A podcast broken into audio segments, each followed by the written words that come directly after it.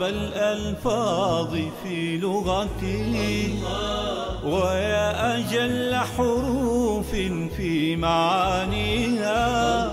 يا أمتع الأسماء كم سعدت نفسي وفاض سروري حين أرويها. أنسي وبستاني وقافيتي يا زينة الدنيا وما فيها. يرتاح قلبي حين يسمعها وحين أبصرها نقشا وأمليها.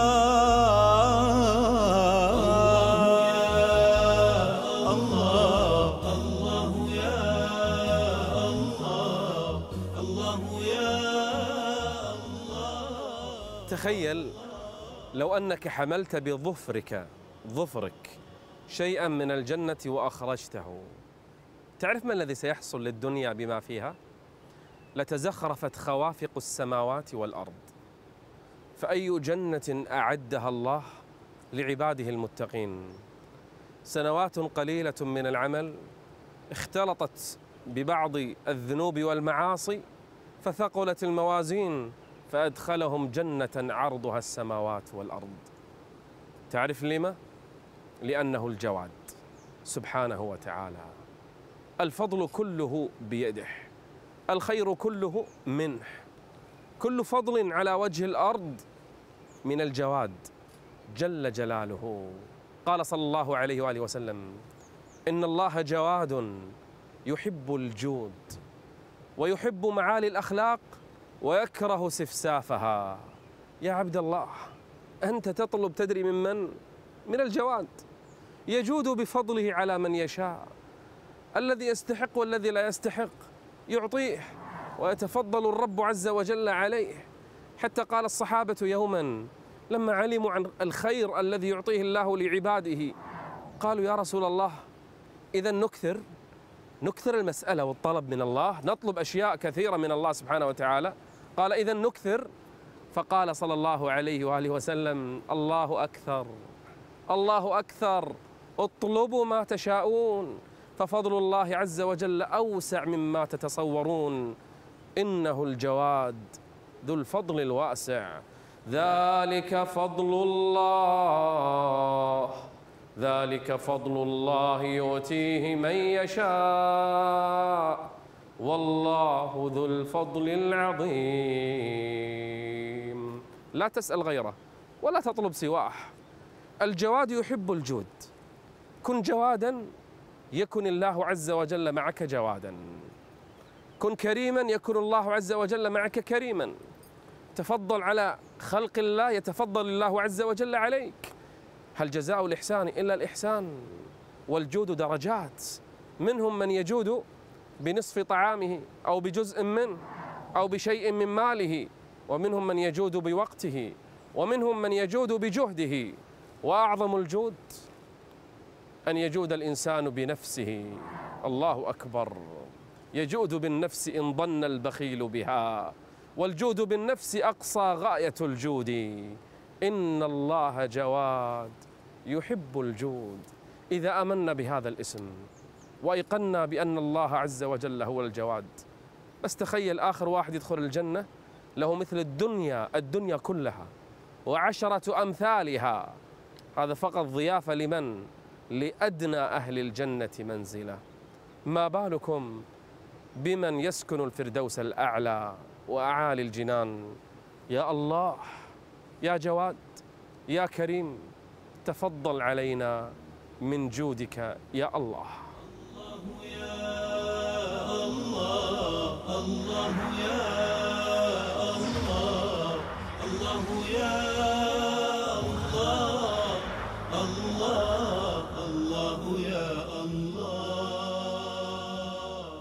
هذه الشعوب المستضعفة اليوم في الأرض الشعوب المقهورة المظلومون اليوم المنتشرون في الأرض يبحثون عن أي شيء يبحثون عن النصير أليس كذلك؟ لو علموا أن النصير الحق من؟ إنه الله جل وعلا. سمى نفسه بهذا الاسم النصير. فنعم المولى ونعم النصير. وكفى بربك هاديا ونصيرا. الله عز وجل نصير كل مظلوم. الله جل وعلا يقول للمظلوم لأنصرنك ولو بعد حين لدعوة المظلوم. إن الله ينصر المظلوم ولو, ولو كان كافرا. الله مع المستضعفين الله جل وعلا مع المضطهدين مع المظلومين الله جل وعلا لهم نصيرا مع أهل الإيمان. وكان حقا علينا نصر المؤمنين. نصر الله عز وجل أولياءه وأنبياءه ورسله عليهم السلام. هذا النبي صلى الله عليه وسلم كان في الغزوات يدعو يقول اللهم أنت عضدي ونصيري. بك أحول وبك أصول وبك أقاتل. هكذا كان يستغيث بهذا الاسم. أنك نصيري يا رب. الله عز وجل النصير. وكفى بربك هاديا ونصيرا. من الذي نصر الصحابة في بدر؟ أليس هو الله عز وجل؟ كم كانوا؟ أصلا ما خرجوا لقتال حقيقي. ثلاثمائة وبضعة عشر أمام ألف مدججين بالسلاح. لكن من الذي نصرهم؟ ولقد نصركم الله ببدر وأنتم أذلة. وما رميت إذ رميت ولكن الله رمى. الله نصير. أحيانا يريد من عباده أن يتوكلوا عليه أكثر حتى يأتيهم بالنصر. أحيانا يريد منهم أن يستفرغوا كل قوتهم وكل طاقتهم وأن ييأسوا من أسباب الدنيا بعد بذلها. هنا يأتيهم النصر. حتى إذا استيأس الرسل بذلوا كل شيء. يئسوا من أسباب الدنيا. حتى إذا استيأس الرسل وظنوا أنهم قد كذبوا جاءهم نصرنا.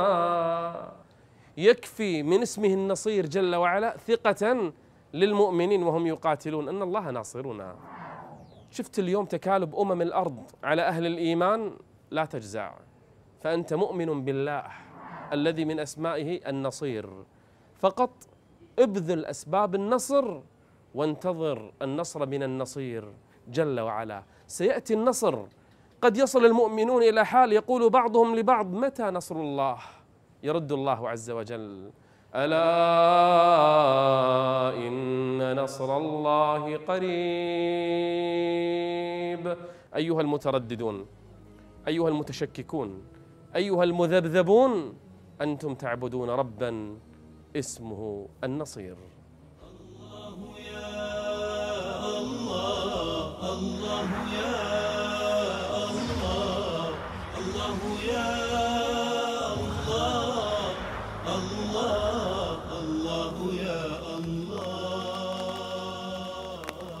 في قصة الغلام والراهب والملك القصة المعروفة. عندما أراد الملك أن يقتل الغلام ذهب به إلى رأس جبل وأمر جنوده أن يرموه من فوق الجبل. غلام ضعيف معه جنود الأمر بسيط يرمونه فوق الجبل وينتهي الأمر. لكن الغلام قال كلمة أنجته. دعا الله عز وجل فقال اللهم اكفنيهم بما شئت. فاهتز الجبل وسقطوا من فوقه فماتوا ونجا. أرسل إلى البحر فقال نفس الكلمات فنجاه الله جل وعلا. لأن الله عز وجل هو الكافي. أليس الله بكاف عبده؟ الله هو الذي يكفيك. لو تجمع من في الأرض كلهم جميعا عليك فإن حسبك الله هو الذي يكفيك. أليس الله بكاف عبده ويخوفونك بالذين من دونه؟ ومن يضلل الله فما له من هاد. يا كافي اكفناهم بما شئت. هذا الدعاء قله إذا تجمع الأعداء عليك فالله عز وجل هو الكافي جل جلاله. مهما فعلوا فسيكفيكهم الله وهو السميع العليم. هو يسمع هو يعلم جل جلاله وهو الكافي. سيكفيكهم الله. كل الناس الأمم تجمعت على الصحابة في المدينة. واليهود غدروا والمنافقون كشفوا عن خبثهم وحقدهم. ما الذي سيفعله النبي صلى الله عليه وسلم؟ أرسل الله ريحا فكفت المؤمنين لأنه الكافي. وكفى الله المؤمنين القتال. الكافي أحيانا ما يجعلك حتى تقاتل. يكفيك العدو. بريح أو بغيرها لأنه جل جلاله هو الكافي. صدقني لما تنام على فراشك في بيتك وأنت آمن ترى أنت بنعمة. الله كفاك إياها. كم في الأرض اليوم وناس ما عندهم بيت ما عندهم فراش ما عندهم طعام يشبعون به قبل نومهم. ولهذا كان النبي صلى الله عليه وسلم يقول قبل نومه الحمد لله الذي أطعمنا. وسقانا وكفانا الكافي هو الذي كفانا وآوانا فكم ممن لا كافي له ولا مؤوي. إنه الله جل وعلا الذي سيكفيك ولن تحتاج لغيره. إن استعنت به وتوكلت على الكافي. الله يا الله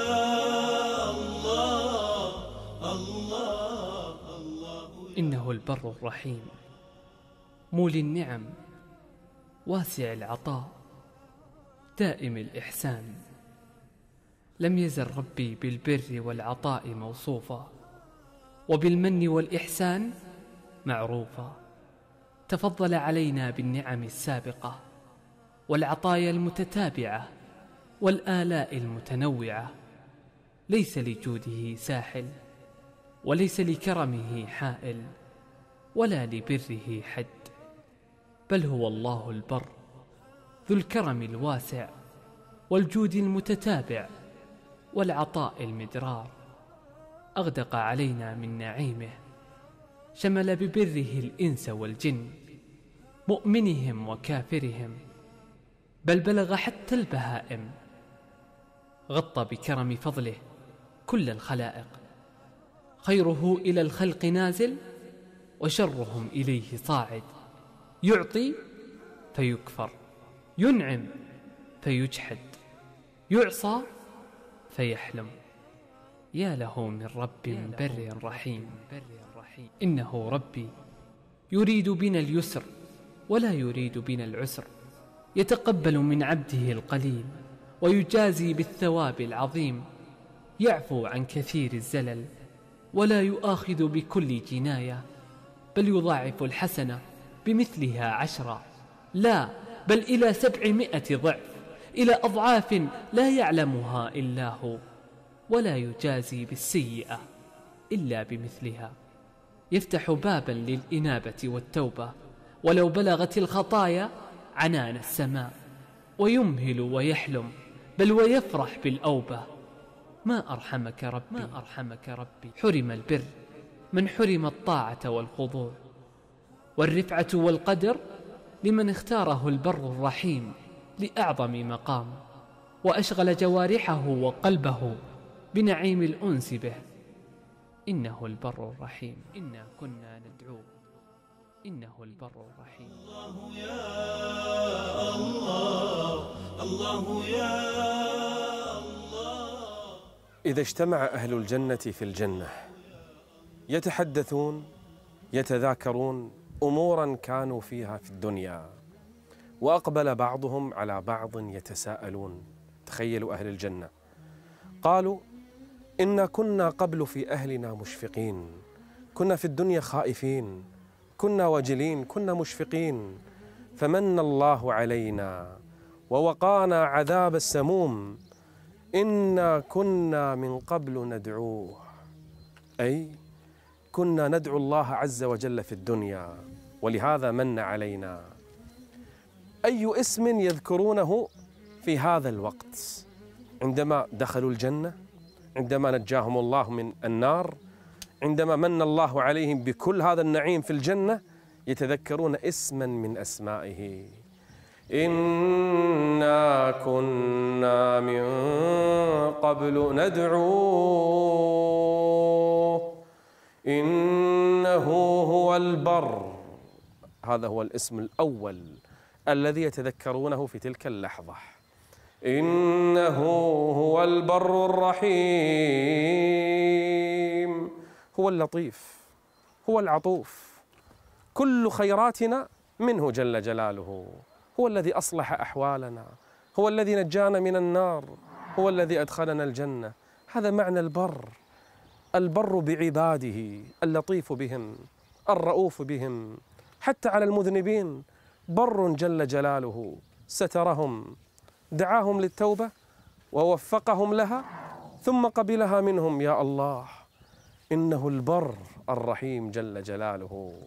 البر أيضا تأتي بمعنى الذي صدق الوعد. صدق أهل الإيمان ما وعدهم به وصدق أهل الكفر ما وعدهم به. أما أهل الإيمان فوعدهم الجنة وصدقهم بها برهم. وأهل النار الكفار صدق وعدهم جهنم وصدقهم بوعده. إنه البر الذي بر بوعده ووفى بوعده ومن أوفى بعهده من الله. إذا دخل أهل الجنة الجنة.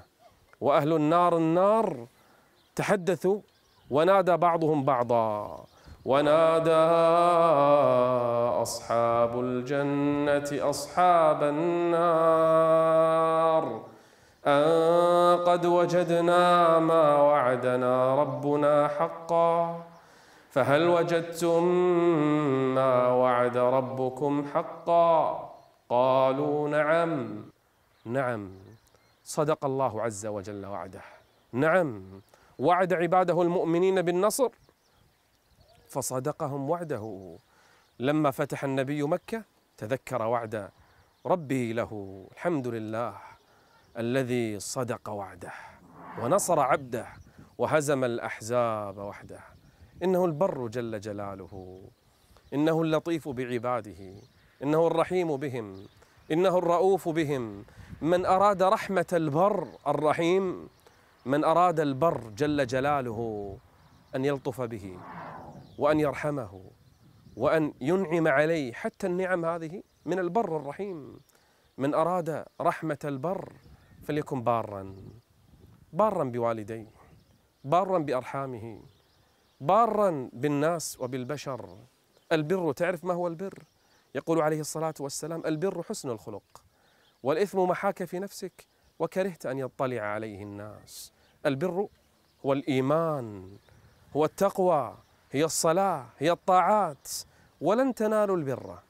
ما يكتمل البر حتى تنفقوا مما تحبون. ما تخرج الخبيث بل تنظر إلى ما أحببت من مالك فتنفقه لله عز وجل. إنه هو البر الرحيم.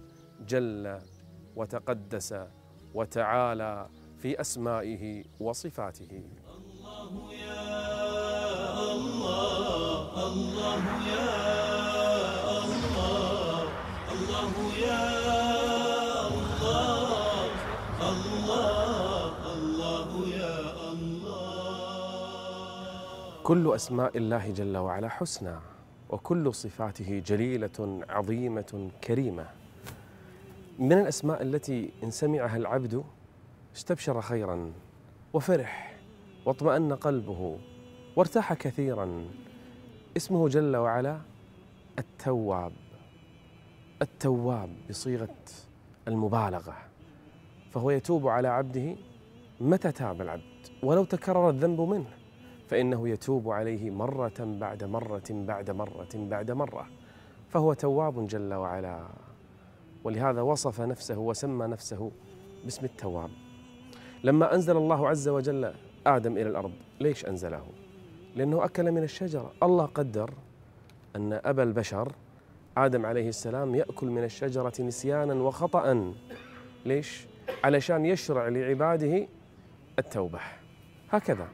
أراد الله أن يخطئ آدم عليه السلام بإرادته طبعا عشان يعلمهم على شيء اسمه التوبة. تخيل لو لم يشرع الله عز وجل لنا التوبة ماذا سنفعل بذنوبنا ومعاصينا؟ تخيل لو ما في شيء اسمه توبة كل إنسان يتحمل ذنبه. كيف سيكون حالنا؟ ولولا فضل الله عليكم ورحمته أن الله تواب رحيم. لهذا علم آدم ماذا يصنع. فتلقى آدم من ربه كلمات كلمات فتاب عليه. إنه هو التواب إنه هو التواب الرحيم. بنو آدم بالليل يذنبون بالنهار يذنبون. والله عز وجل يبسط يده بالليل ليتوب مسيء النهار ويبسط يده بالنهار ليتوب مسيء الليل. إنكم تخطئون بالليل والنهار وأنا أغفر الذنوب جميعا. ما أعظم التواب جل وعلا. شوف أول شيء شرع لهم التوبة. اثنين حببها إليهم. ثلاثة وفقهم إليها. أربعة علمهم كيف يتوبون. خمسة قبل التوبة منهم. أرأيت توبة وتوابا؟ هذه صفاته جل وعلا. فما أعظم هذه الصفات. إلا من تاب وآمن وعمل عملا صالحا فأولئك يبدل الله سيئاتهم حسنات وكان الله غفورا رحيما. جاء رجل شيخ كبير على عصا مدعم على عصا يمشي على عصا. قال أين محمد؟ أين محمد؟ يسأل عن دين الجديد هذا. قال ها هو. قال يا محمد إن لي ذنوبا وخطايا. لو وزعت على أهل الأرض أهلكتهم. ذنوبي لو يتقاسمها أهل الأرض كلهم يروحون فيها. فهل لي من توبة؟ قال تعمل الخيرات وتترك السيئات يبدلها الله لك حسنات. قال وغدراتي وفجراتي قال يبدلها الله لك حسنات. إلا من تاب وآمن وعمل عملا صالحا فأولئك يبدل الله سيئاتهم حسنات. إنه ربنا جل وعلا التواب. كلما أذنب العبد وتاب تاب الله عليه. اللهم اغفر لنا يا رحيم يا تواب. الله يا الله الله يا الله الله يا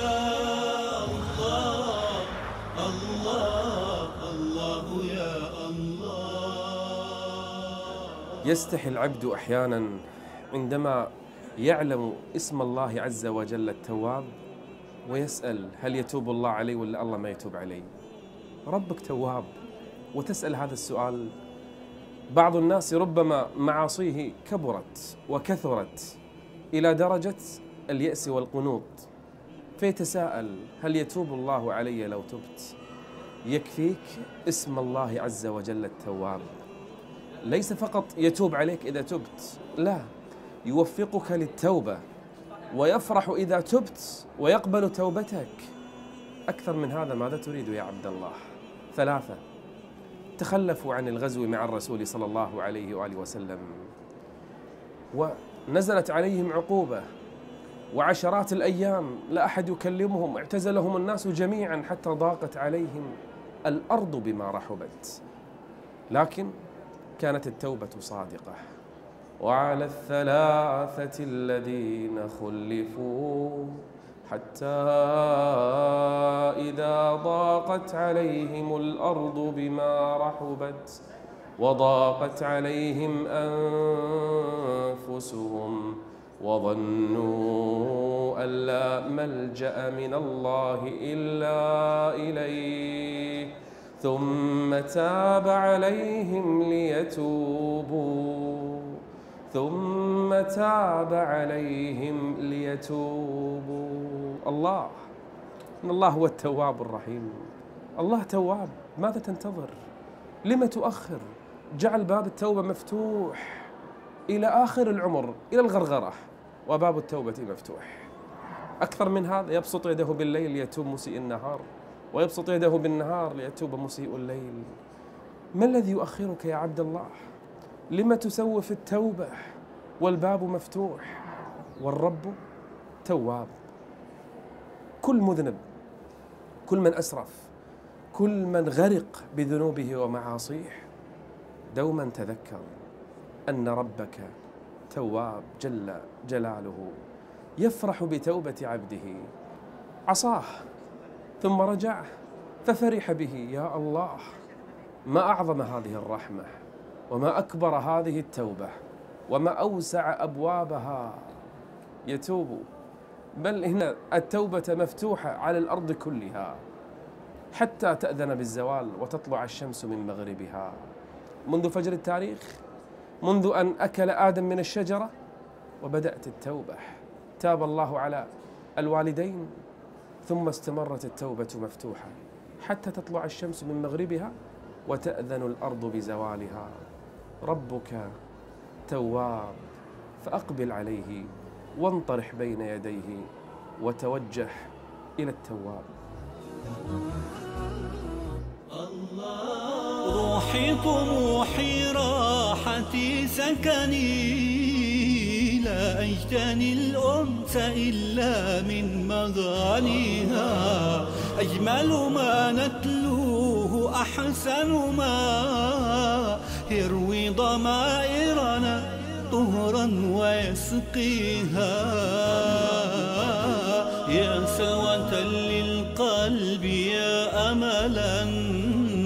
يرى المحب أفانينا المنى فيها إن جاءت الدنيا بضائقة فالجأ إليها ففيها ما يجليها.